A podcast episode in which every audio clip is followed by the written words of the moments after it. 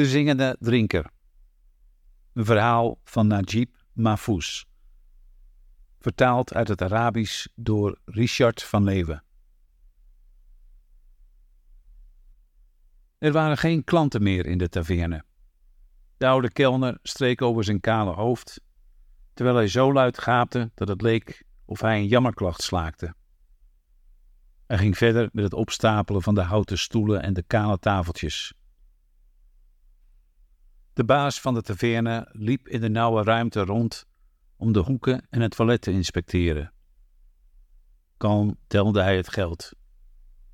Waarna hij de la onder de tapkast en de la met bonnetjes afsloot. Vervolgens deed hij de lamp uit die boven de tapkast hing. Het vertrek werd donkerder en kreeg een treuriger aanblik. De baas zei tegen de kelner: Schiet op, het loopt al tegen twee uur in de ochtend.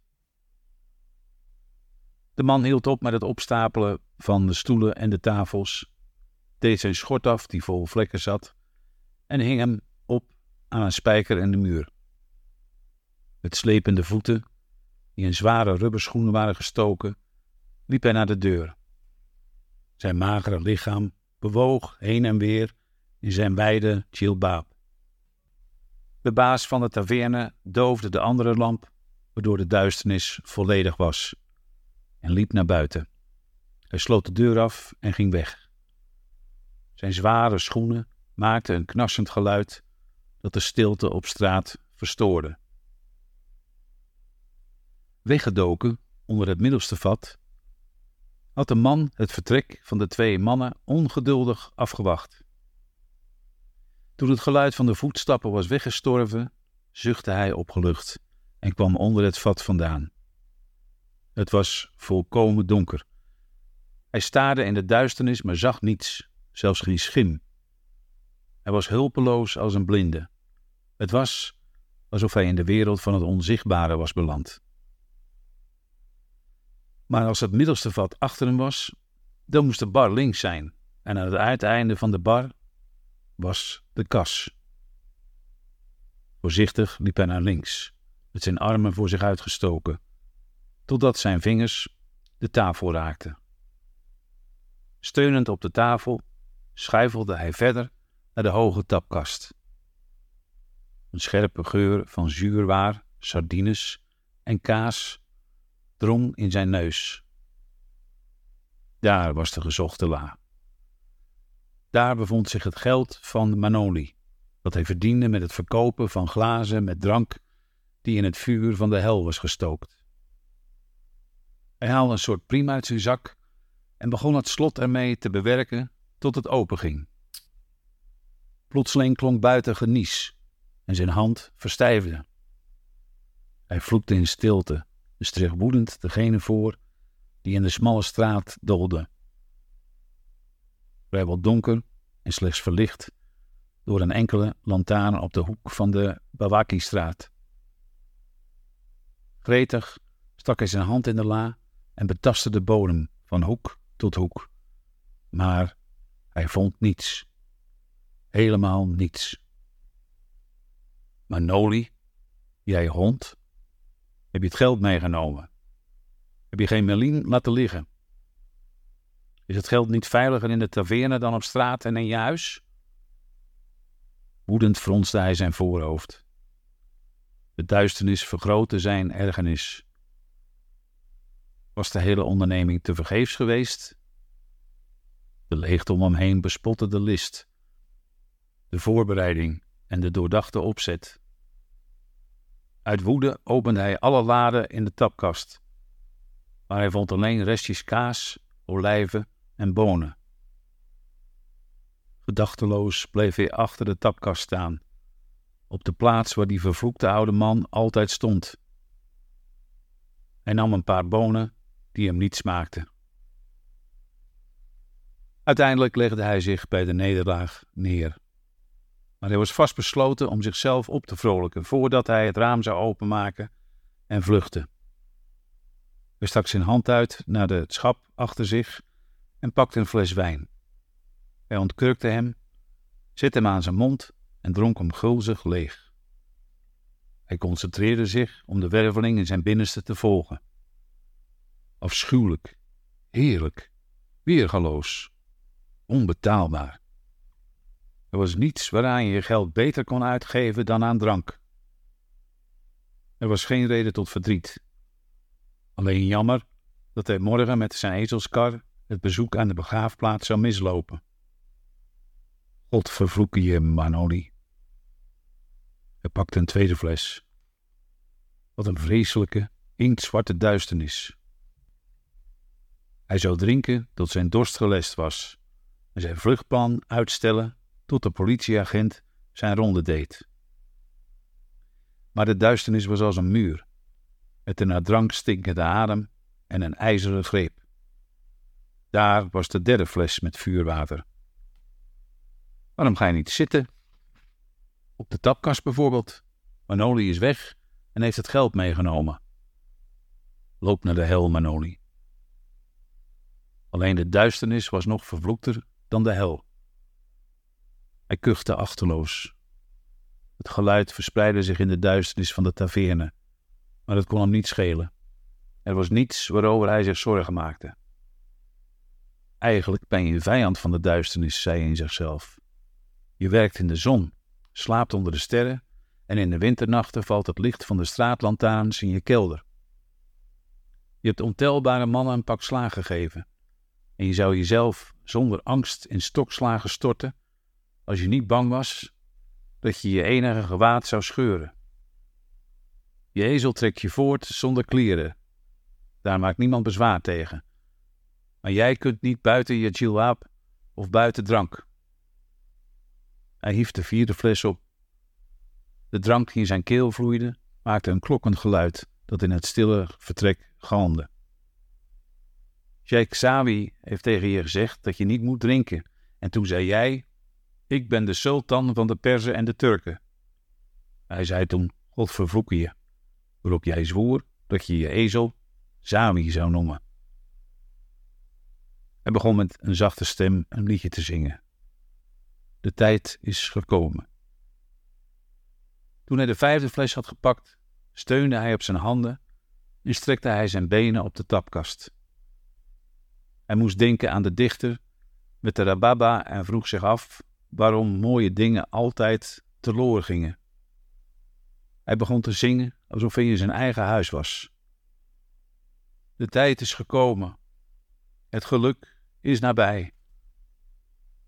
Het dronken gezang klonk misvormd, maar hij schudde vol bewondering zijn hoofd. Bij het woord geluk ging zijn stem een aantal tonen omhoog. Hij ging rechtop zitten en begon in zijn handen te klappen. Plotseling klonk er gebons op de deur. De politieman schreeuwde. Wie is daar binnen? Eerst ging hij door met zingen, maar het aanhoudende bonzen stoorde hem en hij hield op, terwijl hij boos mompelde: Jullie kunnen nooit eens iemand met rust laten. Op hooghartige toon vroeg hij: Wie ben je? Ik ben de politieagent. Wat wil je? Wel heb ik ooit. Wie ben jij? Lachend antwoordde hij: Een klant. Iedereen slaapt al. Hoe komt het dat jij nog binnen bent? En wat gaat jou dat aan? Zijplap? Dat komt je duur te staan. Ik herken je aan je stem, ook al ben je bezopen. Ik herken je aan je stem. Nou wie kent uh, Ahmed Anabi niet? De voerman van de ezelkar? Juist. Kan ik hier met iets van dienst zijn, uh, brigadier? De politieman blies op zijn fluitje en verbrak de stilte van de nacht. De man op de tapkast tastte de muur af naar het lichtknopje en deed het licht aan. Hij vertrok zijn gezicht en kneep zijn ogen half dicht. Met uitpuilende rode ogen keek hij daarna in het vertrek rond, tot zijn blik op het fornuis en op een blik benzine bleef rusten.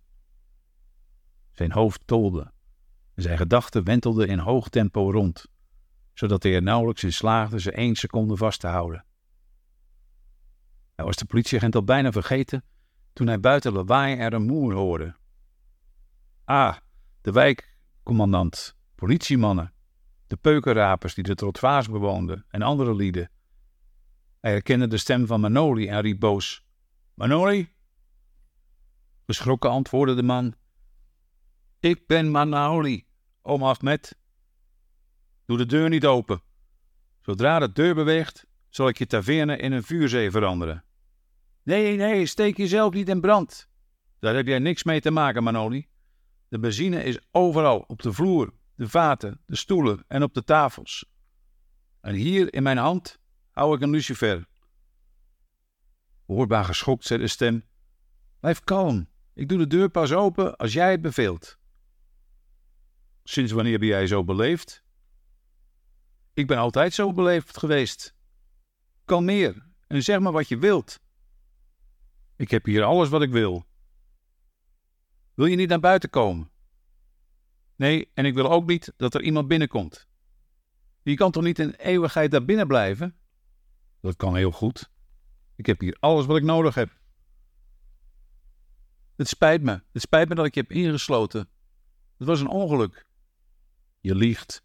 En dat weet je heel goed. Maar het was echt per ongeluk. Je weet dat ik hier ben om te stelen. Maar er is daar niets dat het stelen waard is. De vaten smerige wijn. Alles wat je hebt gedronken krijg je van mij cadeau. Er zit geen geld in de la. Maar die la is niet voor het geld. Waarom doe je hem dan op slot? Hé, Manoli? Een slechte gewoonte. Kalmeer. En steek jezelf niet in brand. Oh, ben je bezorgd aan mij? Natuurlijk. Die vaten interesseren me geen barst. Maar jij bent een levend wezen. Je bent een leugenaar, Manoli. Vraag het maar aan de politieman om je heen. In de tussentijd hadden de politieagenten grote activiteit ontplooid. Ze hadden de woning op de etage boven de taverne ontruimd en de eigenaren van de aangrenzende winkels gewaarschuwd. Weldra verschenen de brandweerauto's die in gereedheid werden gebracht. Ahmed Inaba schaterde langdurig en riep: Ik heb de lucifer in mijn hand, Manoni. Beslagen antwoordde de man: Het is niet mijn schuld. Komt op het daren.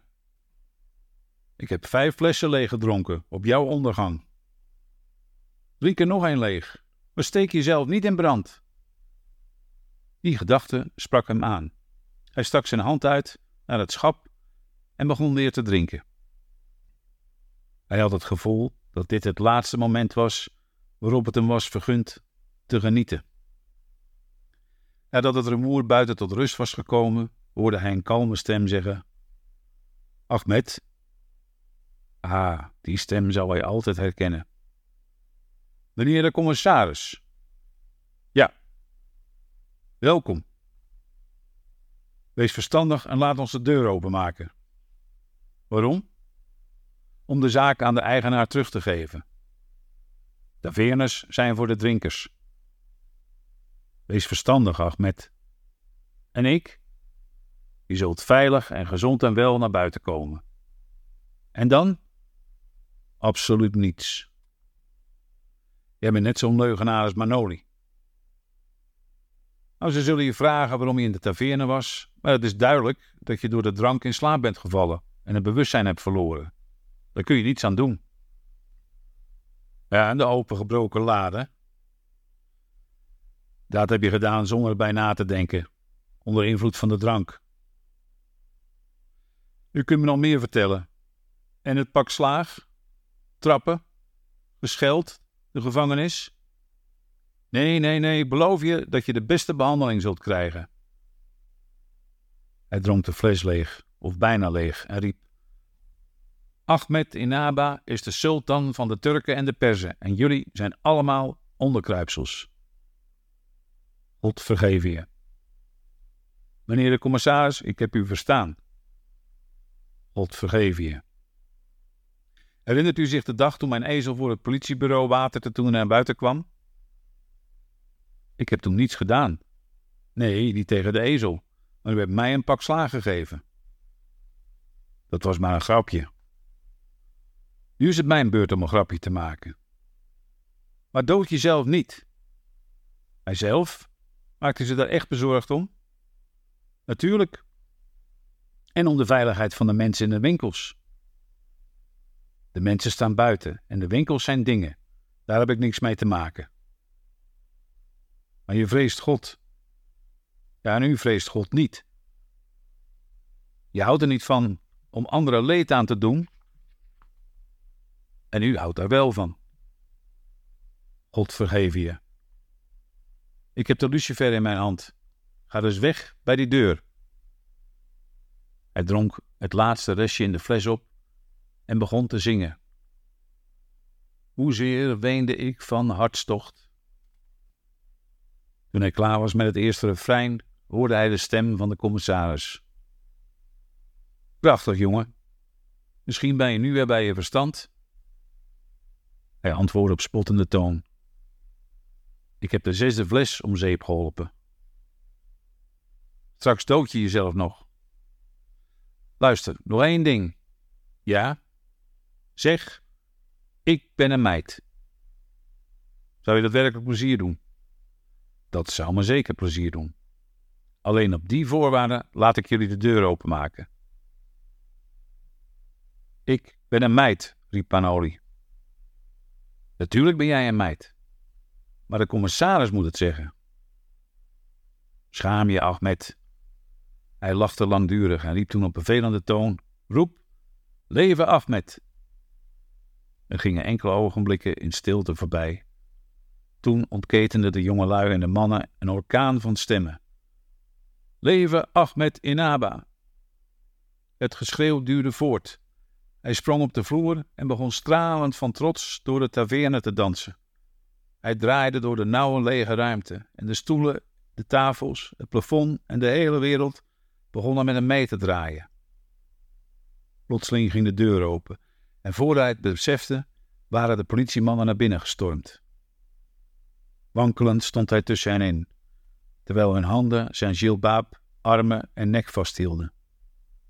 Desondanks wierp hij een autoritaire, hooghartige blik op hen, die uit de hemel leek neer te dalen. Met zijn zware, slaperige stem, als een band die te traag wordt afgespeeld, zei hij: Ik heb niet eens een lucifer bij me.